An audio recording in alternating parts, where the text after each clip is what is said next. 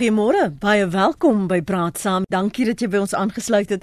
Ek is Lenet Fransis. Dag 0 wanneer watervoorrade in Kaapstad na verwagting verminder, is van 16 April na 11 Mei aangeskuif. Dis glo weens 'n skenking van boere in die Oeverberg streek van van sowat 10 miljoen kubieke meter water aan die wel, waterstelsel. Die DA leier, Musi Maimane, sê inwoners van Kaapstad moet 'n verdere 97 miljoen liter water per dag spaar om dag 0 af te weer. In die waterkorte het weer die kolle geplaas op water as 'n skaars bron in die impak op mense en dis waaroor ons gesels. Ons gaste vanoggend is Quentin Adams, hy's opvoedkundige sielkundige wat navorsing doen oor uh, verskillende sosiale kwessies. Daar is Viljoen, 'n senior toekomskundige by die Instituut vir Toekomsnavorsing. Sy's verbonde aan die Universiteit van Stellenbosch en Karen Bosman is 'n kenner op waterbeleid. Goeiemôre Karen, dankie vir jou tyd daar is en môre ook aan jou Quentin. Môre Lenie. Goeiemôre Lenet en môre luisteraars. Kom ons praat eers oor die impak. Jy's daar ook in die Weskaap as ek verkeerd is nie Quentin, die aanpassings, die sielkundige aanpassings wat mense moes maak voordat ons spesifiek waterbeleid praat. Ja, ek dink dit is 'n krisis op hierdie stadium. Ek dink ons word uitgedaag al uh, mense wat in middelklas situasies is Um as ons kyk na mense wat in die werksklas uh in 'n armoede lewe, dan is dit mense wat in 'n deurlopende krisis lewe waar daar beperkte bronne beskikbaar is. Maar op hierdie stadium word alle ekonomiese vlakke word nou uitgedaag en word gekonfronteer met hierdie hierdie krisis. En ek dink die die naam dag 0 uh bring ook geensins hoop vir ons nie want ehm um, dit laat ons dink dat dit soort van die aan die einde van situasie gaan kom en dit is waar ons te doen het met 'n baie kosbare en noodsaaklike bron. Wat wat wat wat gebeur in ons huise is dat uh, daar 'n groot ontwrigting wat plaasvind. Uh, 'n normale uh, aspek van na die toilet gaan het nou 'n uh, politieke en sosiale gesprek uh, begin word. Hm. Ek het oor die naweek gesê dat dit nou ook 'n wiskundige speletjie geword het want jy moet nou vir jou familielede verduidelik hoeveel kere jy nou vir die dag gegaan, wanneer gaan jy, wat gaan jy daar doen uh om seker te maak dat dat jy die water reg gebruik. Maar ek dink wat wat wat almal oor baie bekommerd is is is die ontwrigting wat wat wat plaasvind. Is dat ons se gedragspatrone en selfs ons sosiale interaksie geleenthede ehm uh, word heeltemal ontwrig en dit is het 'n groot negatiewe impak op die siege van die mens en ook op die gemoedstoestand van die mens. Uh, ons het onlangs gehoor van die die klubwedstryde, die cricket klubwedstryde wat uh afgestel word. Dit beteken dat daai manne wat uh, uh cricket speel en uh, oor, oor Saterdag ehm um, kan nou nie meer speel nie en en mense sal nie besef die die ervaring wat mense deurmaak hier in die Kaap uh, met hierdie watertekort nie. Vrydag aand het ons gehoop dat die reën nou 'n bietjie verligting gaan bring maar dit was ook net 'n laafenis geweest en uh, en ek moet sê dat mense is baie bekommerd, mense voel baie te neergedruk, hulle voel baie negatief en uh, dit beïnvloed beslis uh, mense se produktiwiteit ja. en hulle hulle uitkyk op die lewe. As jy deesdae na die supermarkte toe gaan dan sien jy daar's meer water wat gekoop word as kredietnuusware. 'n uh, tendens en 'n uh, 'n situasie wat jy nog nooit gesien het uh, in ons lewe nie.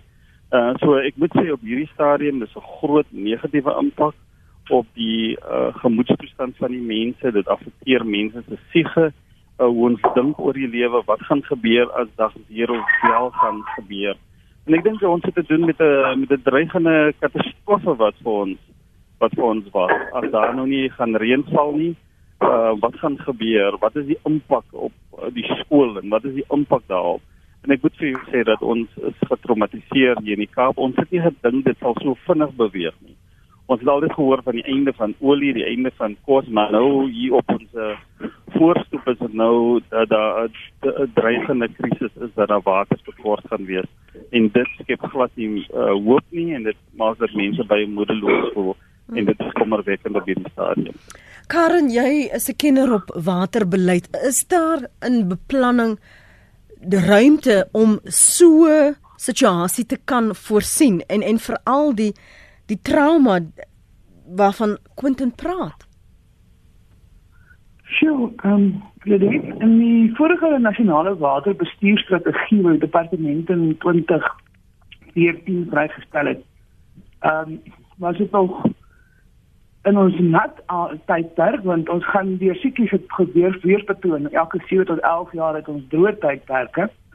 En uh um die woord droogte kom ongelukkig net een keer in die nasionale bestuursplan voor en dit is 'n uh, 'n baie tegniese benadering. Daar word glad nie gekyk na na um die sosio-ekonomiese um effekte of aspekte van van droogte nie. Maar nou moet ek ook bysê dat ehm um, wat ons nou hier doen het as het, as a, as 'n wat mense noem 'n hidrologiese droogte is uh ehm um, uh andersins is dis doodgewoon 'n droogte effek omdat 'n groter gedeelte van die samelewing nou ook droogte toestande beleef. Ehm um, daar is 'n sosio-ekonomiese droogte wat al vir jare in ons ehm um, arm gemeenskappe in elk geval heers. En omdat mense doodgewoon nie toegang het tot water nie. So nou dat die gebrek aan water meer ehm um, uh gegoede dele van die gemeenskap affekteer, nou is dit ewesklik 'n groot krisis. Uh, maar mens moet glad nie uit die oog verloor hy dat dat dat arme dele van ons gemeenskappe konstant met 'n ernstige watertekort um, sukkel en en uh, en en en probeer da, om sonder water te oorleef. Hmm. Wat vir my interessant is nou is dat ehm um, ja, die armer gedeeltes van ons gemeenskappe ehm um, word erger geaffekteer, maar dat die meer gegoede gedeeltes van ons gemeenskappe ehm um, gaan kan nou gaan kyk na hoe het die armer gedeeltes van die gemeenskappe so met so min water oorleef vir so lank en bietjie by hulle leer. Ehm um, so terug na jou vraag toe, is daar ruimte vir so iets om vir so iets te beplan? Die wet maak wel daarvoor voorsiening, maar dit is nie noodwendig so geïnkorporeer in die nasionale beplanningsinstrumente nie. Ehm um, en die departemente het het gedink ons omdat ons nou 'n goeie reëntyd is as ons as ons die dokumente opstel is dit nie regtig nodig om daaraan aandag te gee nie. Mm. Ehm um, jou jou benadering het soveel vuurvonkies nou in my brein laat afskiet. Want dit gee 'n hele ander gesig tot die gesprek. As jy sê ons vra onsself af hoe lank hierdie armes so geleef? En ek ek dink ons parkeer net daardie aspek vir vir 'n oomblik want ek weet Quentin gaan daarop reageer. Maar ek wil vir jou vra daar is as ons kyk na die druk wat toeneem op ons hulpbronne is dit nie voorland wat ons moet begine aanvaar? Ja, Lenet verseker, weet jy?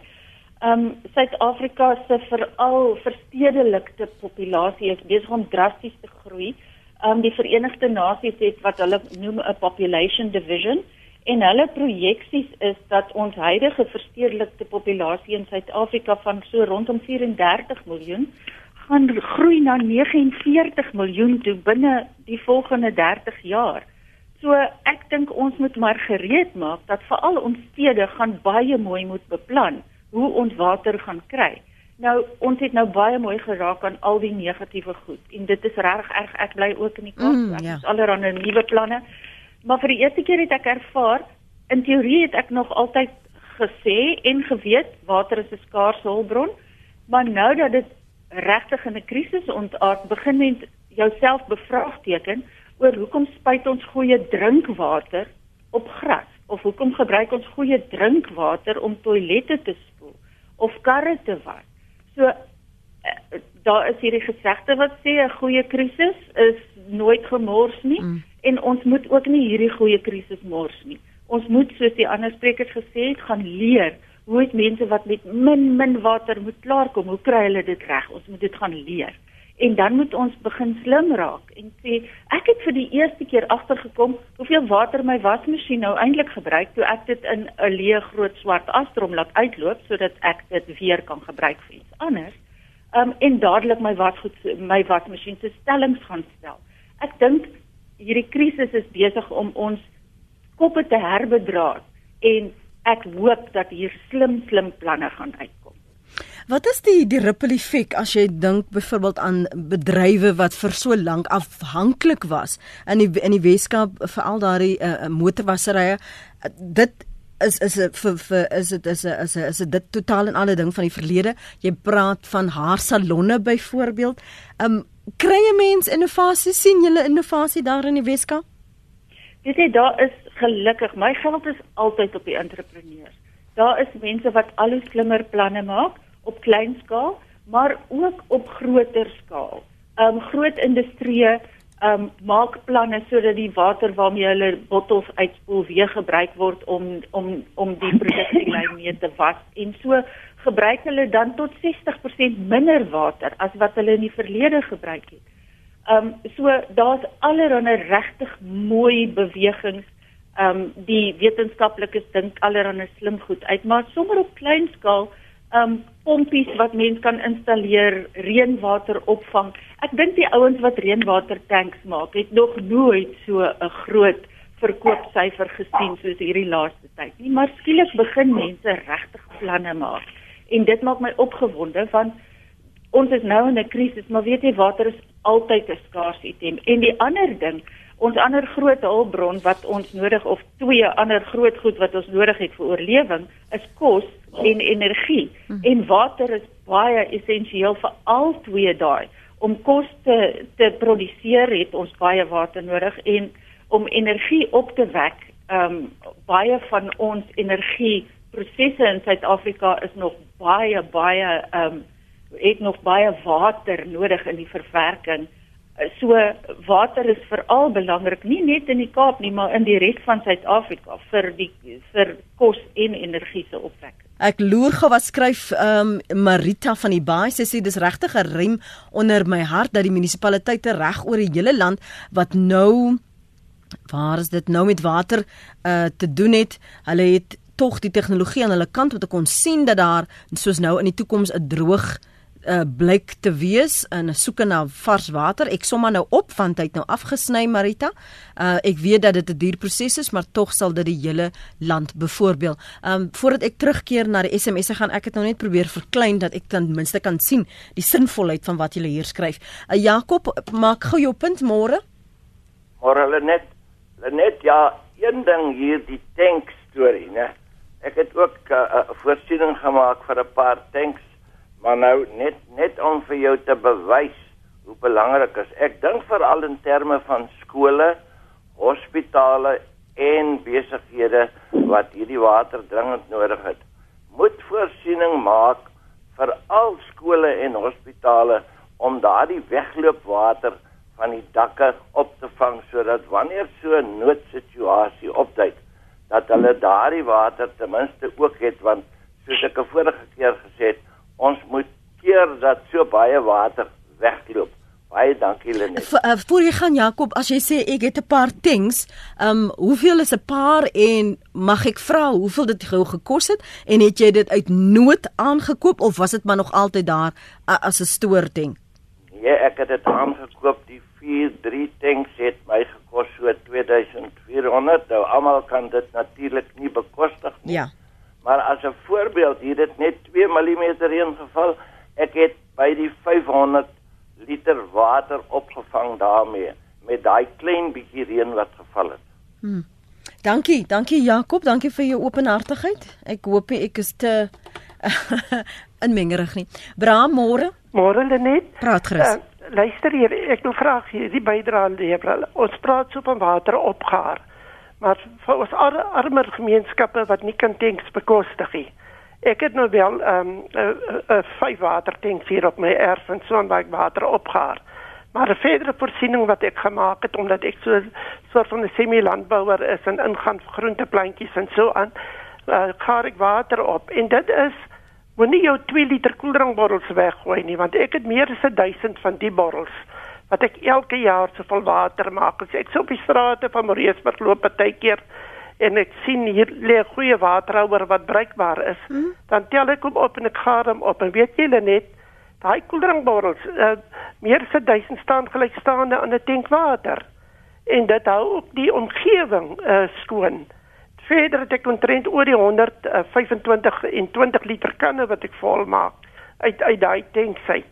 Met die gevolg is my my waterreserwes hou dwars deur die jaar tot dit weer reën tyd is en so aan. En ek kan nog steeds uh, my uh, vrugtebome in my in my tuin goed goed nat hou en ek meen dis 'n positiewe aspek. As ons begin kyk wat uh, wat weggooi goed was mm. kan nou gebruik word uh, in 'n noodsituasie.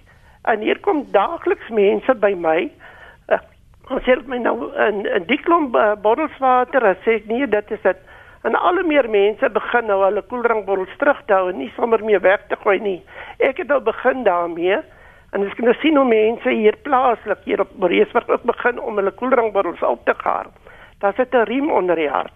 Dis van my ehm uh, my klein bydra uit die hand van die Here uit wat ek wil vanmôre net lewer hier op RSG. Maar vir die hele breë gemeenskap in die Weskaap. Maar dankie man dat dit uit die hand van die Here vir ons tot ons siele vanmôre spreek want dis iets wat ons prakties ook kan doen maak nie saak waar ons bly nie weet net nie waar ons al die bottels gaan stoor nie maar dis ten minste 'n ander manier van dink. Dankie daarvoor Bram. Evert. Môre net. Goeiemôre Evert.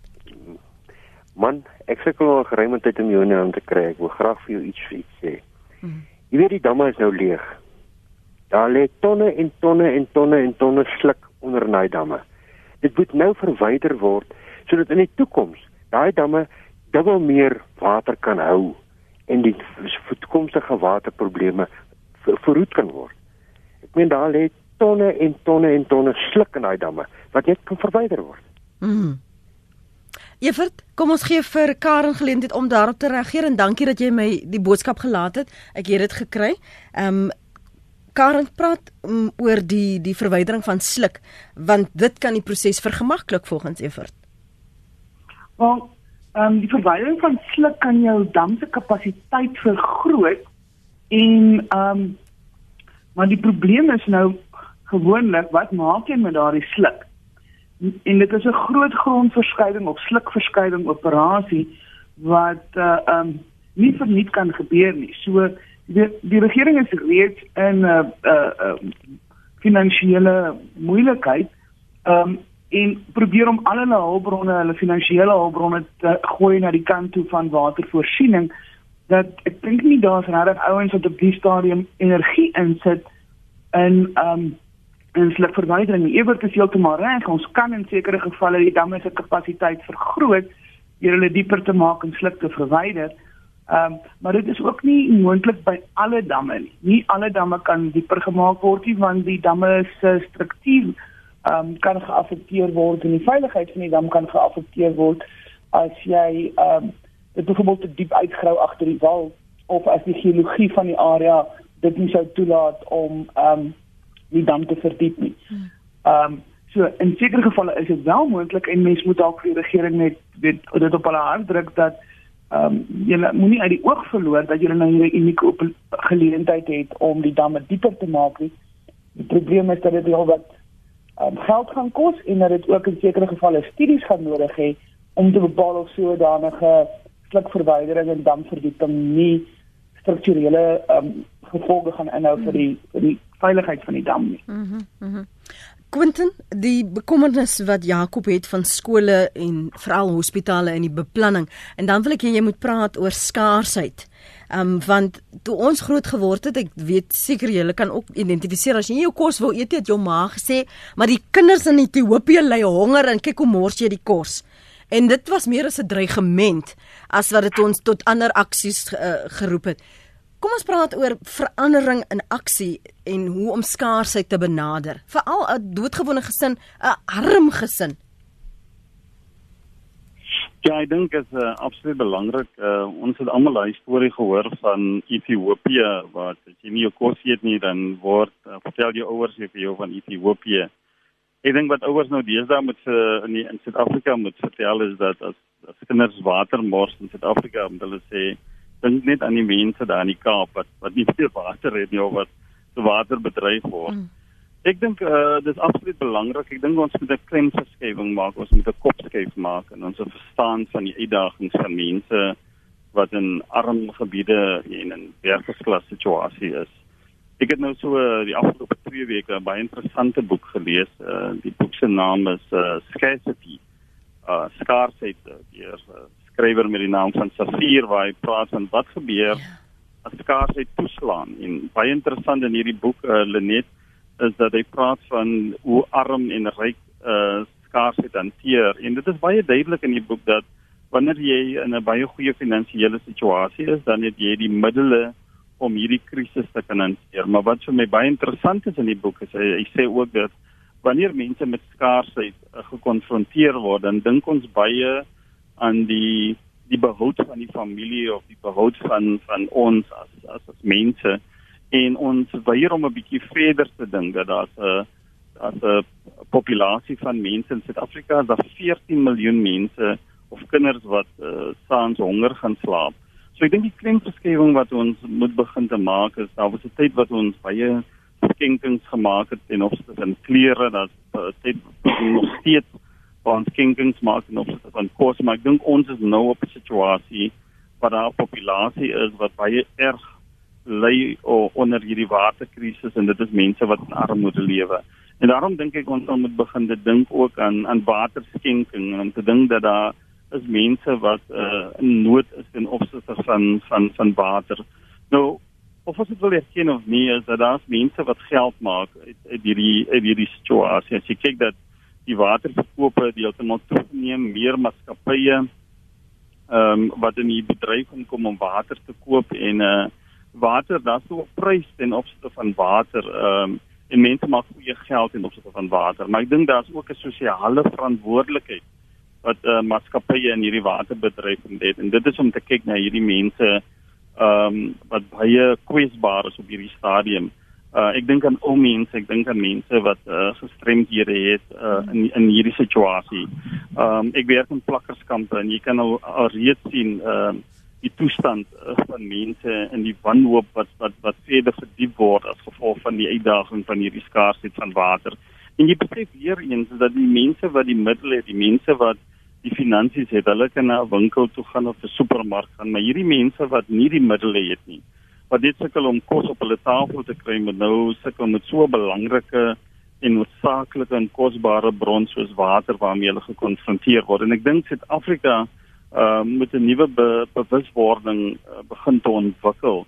Dat wanneer ons praat van strategie, dat ons nie net kyk na ons eie huise nie en na ons eie omstandighede nie, ons wat dit kan bekostig nie, maar dat ons weer kan begin te dink dat daar is 'n populasie wat wat honger is en daar's nou 'n populasie wat dors is.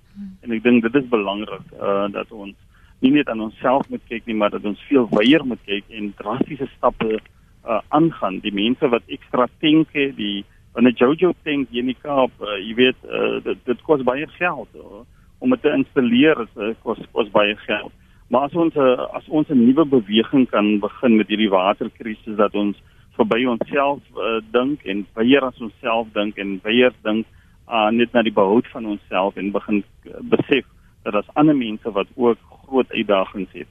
Ek word baie uh, geïnspireer. Ek weet nou nie of dit 'n uh, goeie inspirasie is deur die die fliek uh, Mad Max Road to Fury. Uh, mm. Dit is 'n baie interessante fliek. Ek kyk dit oor en oor om om om om te sien dat dat dit dit is 'n dit is 'n 'n uh, wetenskapsfiksie, maar maar dit kan ook 'n werklikheid begin te word hoe daar 'n groot populasie is van mense wat sukkel om water in die hande te kry en dan is 'n sekere populasie wat die water beheer.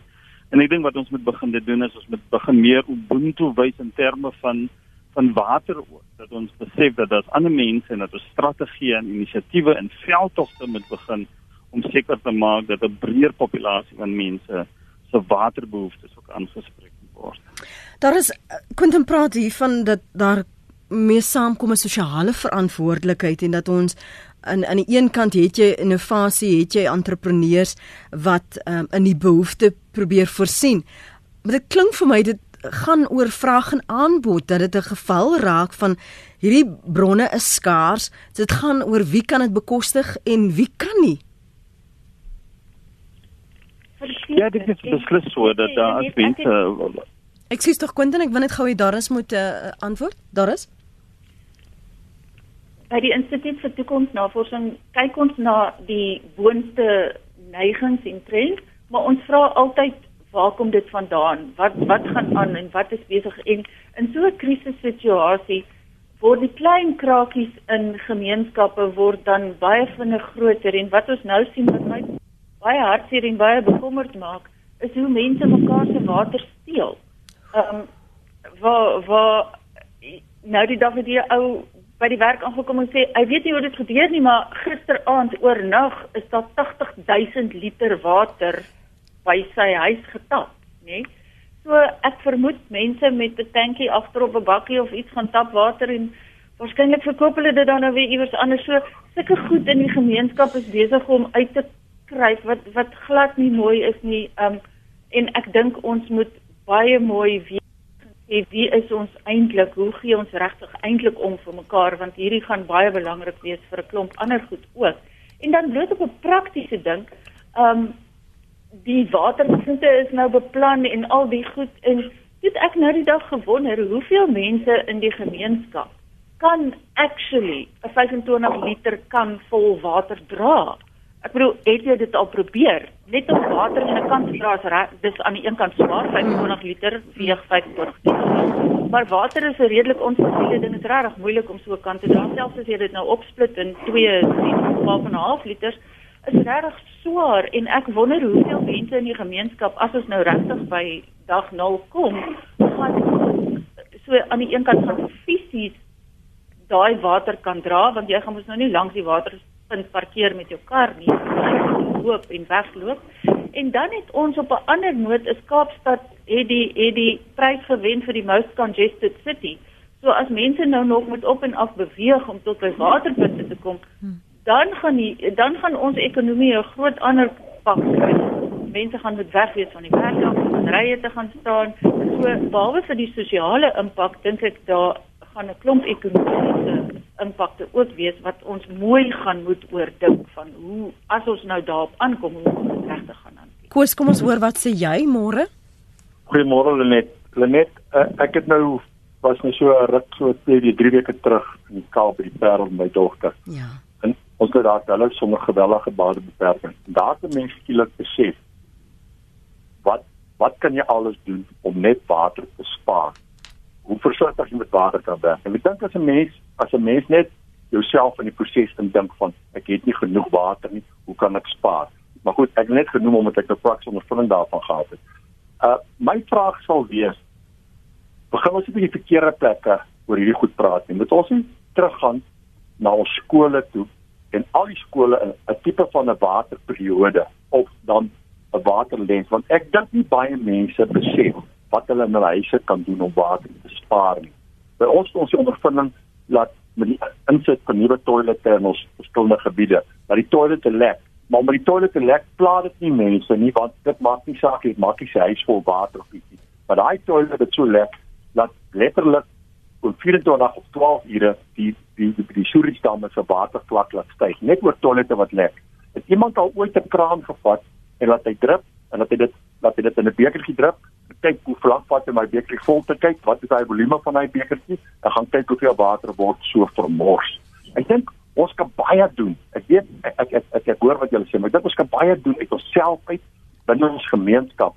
Ons het nou opnames gemaak hier in Masionyana is gemaak oor pype wat lek, waterpype wat lek en hulle lek nie van gister af nie, ja. maar hulle bly lek. Dit word nie reggemaak nie. Daai soort van praktiese goed wat elke persoon in sy eie huis kan doen en dan dink ek nog steeds ek dink en ek vra van die mense moet mense na die skole toe gaan om die jeug te gaan opvoed en vir te sê luister ons se nuwe stelsel dis die situasie kom ons hmm. spaar water. Ek ek vra vir julle net en dis hoe ek opvoed dankie kos die nuwe normaal in aanhalingstekens. Koen praat ons hallo koen ons luister. Ja dis koen. Ons koen uh, ekskuus uh, uh, net Môre. Uh maar ek wil net terugkom na daardie punt wat gemaak is oor die die die skrop van die damme om om om die om die bakmaat te vergroot. Dit gaan nie so seer om die bakmaat te vergroot nie. Jy moet onthou en dit is een van die groot probleme wat hulle nou opgewys het. Dit nou uh gebruikbare of verbruikbare water in 'n dam in die oppervlak 'n uh, uh, staak omtrent hier is hy by 15% kom as gevolg van daardie laaste 15% wat heeltemal met sluk vermeng is. uh, as daai dam dan nou opdroog en ons kry reën, die eerste 25 of 15% van water wat in daai dam inkom, word geabsorbeer deur droë grond wat nie herwin kan word die water nie. En daarom moet daar 'n baie baie uh, uitdruklike sommetjie gemaak word van ons ons ons ons, ons is dalk nou penny wise pound foolish wat mm. Uh, as ons daai goed uithaal, dan het ons onmiddellik die eerste water wat inkom behalwe vir die wat nou baie droog is wat wat miskien sê uh 5 of 3% uh, uh vog gaan absorbeer, het ons onmiddellik uh, meer water beskikbaar. Dit is vir my baie belangrik. Ons het 'n klomp ingenieurs en uh, mense wat veral daardie die kleiner damme wat nou reeds daai laagvlakke bereik het. Ja. Daar nou geld gespandeer word om hulle dan reg te kry sodat hulle wat maak by by by implikasie dat vergroot word omdat hulle van uit die staanspoor uit bruikbare water sal hê. Hmm. Dankie vir jou oproep Koen, waardeer dit. Uh, dan op lyn 3 is dit Willie. Willie? Ehm um, ek wil met Koen nommer 1 voordat ek my punt maak, wil ek net met Koen saamstem. Ek sien almekaar hierdie foto's wat hulle neem en video's van hierdie damme. Maar nêrens sien jy skropmasjiene besig om daardie slip te verwyder so vinnig as wat hulle kan nie. Dit is 'n baie belangrike punt wat daar gemaak het. Hmm. Maar wat ek ook aangesit en dink het is uh hierdie dag zero gaan 'n paar keer nou aanbreek in die toekoms vir Kaapstad. Al het hulle ook baie reëns nou. Dit dit gaan nie die probleem oplos nie. Dit gaan miljarde kos om werklik damme weer groter te maak. Ehm um, Isberge nader te sleep al hierdie fantastiese planne, maar hoekom vervaardig hulle nie met 'n paar honderd miljoen rand, 'n 100 000 of 200 000 watertanks en hoe meer jy gaan vervaardig, hoe goedkoper gaan dit word van 5000 en 10000 liter en gaan plaas dit in die informele gebied. Hulle moet daai mense water gee. So gee dit op hierdie manier water. Jy skep werk, gebruik uh, uh, ontwerp iets waarmee jy die die die, die plastiek wat erin win word gebruik word gebruik om daardie tanks te bou, te maak, fabrieke wat jy oprig, werkskepping wat jy doen, iemand moet tog in daai rigting ook dink. Jy moenie net dink aan geld wat jy gaan uitgee vir iets wat as die reën nie kom nie of genoeg kom nie, dat jy weer eens van een area 100 000 mense moet water gee. Jy as jy daardie tanks oor geleidelik en doen dit oor 3 of 4 of 5 of 6 jaar. Op die ou en het jy 3 400 500 000 tanks wat staan en elke beskikbare bietjie water opvang. Hmm. Dankie Willie. Karen, jy's die kenner op die gebied van waterbeleid. Praat met my en ons uh, luisteraars oor die voorstelle wat ons uh, inbellers maak, maar ook die die waterstelsels druk wat die benadering op 'n internasionale vlak is van ons is mos nou nie die eerste mense wat hierdie krisis in die gesig staar nie. Wat werk wa, waarop kan ons verbeter? Want ons praat ook die, ek weet die klem is nou meerendeels op op water, maar ons praat oor skaarsheid van bronne want die een het 'n impak op die ander. Die water het 'n impak op om voedselversekerheid om te te verseker en en en en seker te maak dat gaan kos wees want dan moet water wees. En op um, bedrywe byvoorbeeld. So help ons om te verstaan wat moontlik kan werk en waarna gekyk moet word. Net um, ek het nou geluister en daar was 'n paar um, goeie gedagte, idees en goeie gedagtes. En een van die van die eerste aspekte wat ek wat ek graag wil aanraak is Ehm um, en ek dink iemand het in die begin ook gesê die feit dat ons ehm um, goeie geld basies wegspoel in die toilet. Ehm um, ongelukkig en dit is nou maar deel van ons geskiedenis en deel is deel van die geskiedenis van Suid-Afrika wat deur Engeland gekoloniseer is. Ehm um, daar was 'n British Royal Commission on Sanitation wat tussen 1880 en 1920 gesit het en op al hulle kolonies standaard praktyke vir sanitasie afgeforceer het. Nou wat werk in 'n waterryk land soos Engeland wat baie reën kry, werk nie noodwendig met droë land soos Suid-Afrika nie, maar op daai stadium in die, in die, in die 1920 het ons nie die wetenskap gehad wat dit ons sê en dit was ook nie die bevolkingsdruk gehad wat ons vandag het. Maar vir ons sê moenie water wat jy self gespandeer het om tot by drinkwater standaarde te uh, skoon te maak gebruik om rioolafval mee weg te spoel. Dit maak net nie logies sin. So as ons iewers wil begin, moet ons begin om te kyk na 'n uh, 'n uh, 'n dubbel retikulasiestelsel vir die hergebruik van grijswater, dis water wat uit die um uh, in die kombuis gebruik word, vir was uh, vir uh, wasmasjiene gebruik word, vir stort gebruik word om daardie water te gebruik om toilette te spoel. Hmm. Ons kan dit duisende liters water so spaar net deur 'n verskillende stelsel in te implementeer waar ons grijswater gebruik om afval weg te spoel en nie suiwer drinkwater gebruik om afval weg te spoel. Die tweede aspek wat ek dan moet aanraak daar rondom is wat ons um, noem die water voedsel energie nexus. Nou water voedsel energie, die drie goed is almal aan mekaar gekoppel. Ons het krag nodig om water te suiwer by watersuiweringswerke om dit drinkbaar te maak vir mense. En ons het ook elektrisiteit nodig vir die rioolwerke om die water weer skoon genoeg te kry om dit terug te plaas um, en beskikbaar te stel vir die volgende stel gebruikers stroom af. En hoe meer water ons gebruik uh, vir nie noodsaaklike, ek noem nie noodsaaklike huishoudelike gebruik soos toilette spoel uh, hoe meer suiwerwater ons daarvoor gebruik, hoe meer energie mors ons. Hmm. En hoe meer geld mors ons. En daai hoe minder water betrok uh, uh, uh, beskikbaar is um in die, in die, in die nasionale waterbudget op begroting, hoe minder water is daar ook beskikbaar vir voedselproduksie en voedselproduksie. So die drie goed is al drie aan mekaar gekoppel en mens kan nie sê um die energiekrisis te gebeur te ons loadshedding gehad het. Mm. Het verseker ons ons waterbedryfstelsels geaffekteer. Dan nou nog verdere punt om terug te trek na internasionaal toe.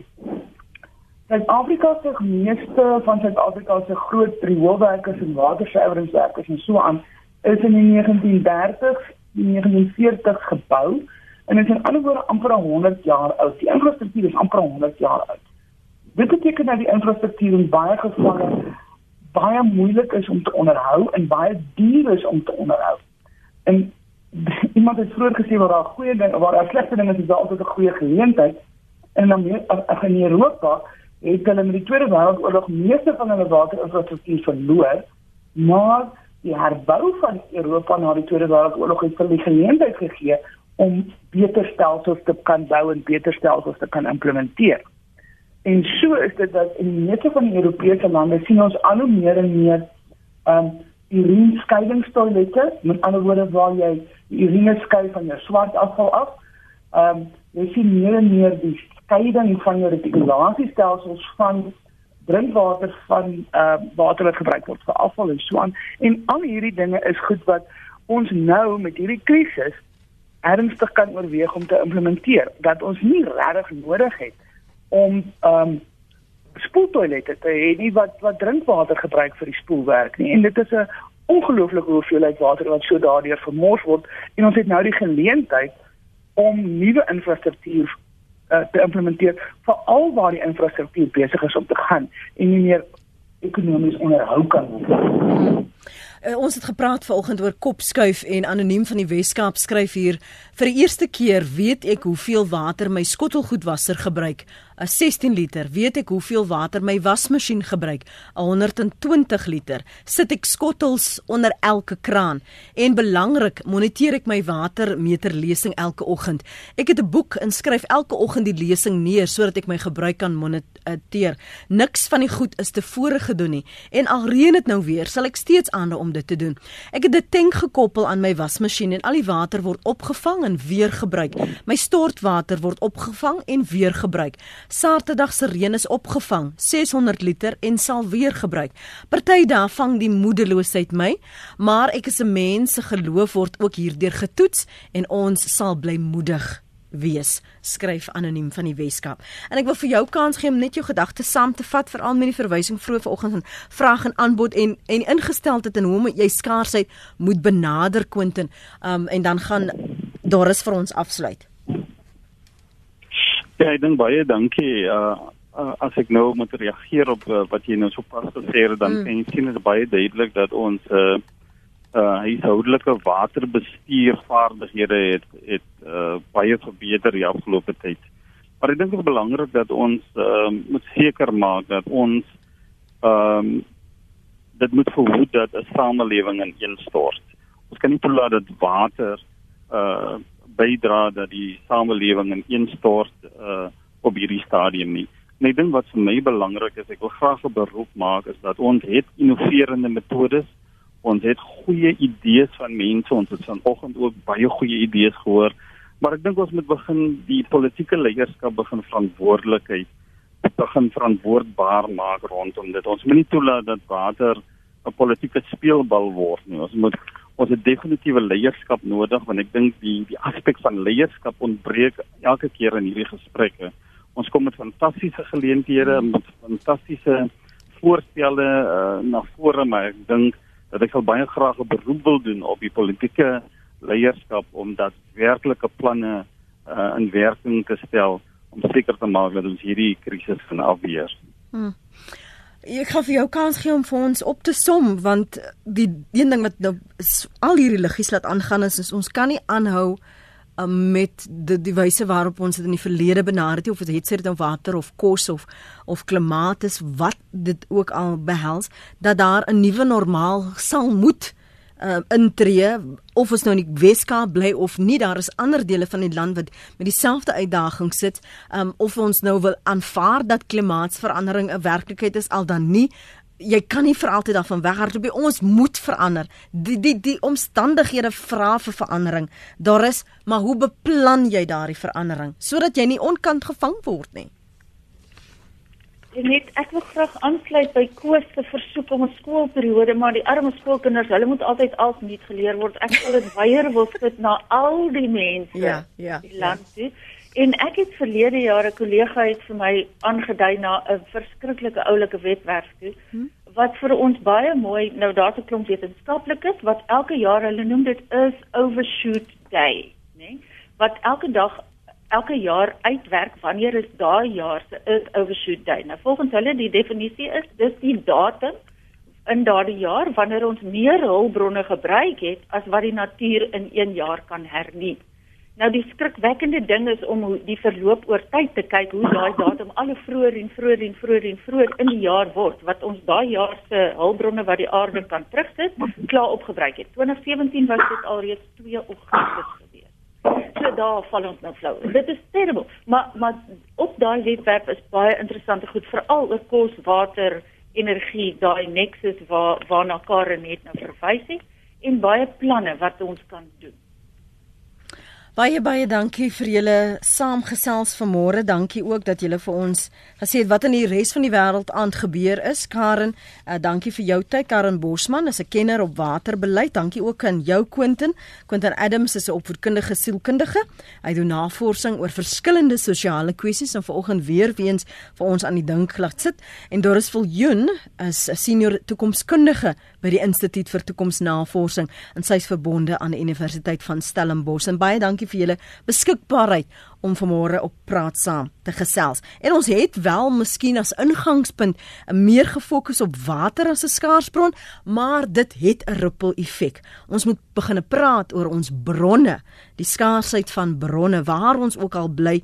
En dit is duidelik ons gaan al hoe meer afhanklik van mekaar se se hulp raak, se intervensies en se innovasies en dis hoe ons bou en dis hoe ons red wanneer ons op mekaar kan beginne leun. En dankie dat julle met soveel ywer ook julle gedagtes met ons hier op die radio en vir alle praat saam gedeel het. Dit gee vir ons net weer eens rigting in watter kopskuive ons behoort te maak en watter gesprekke ons behoort te hê.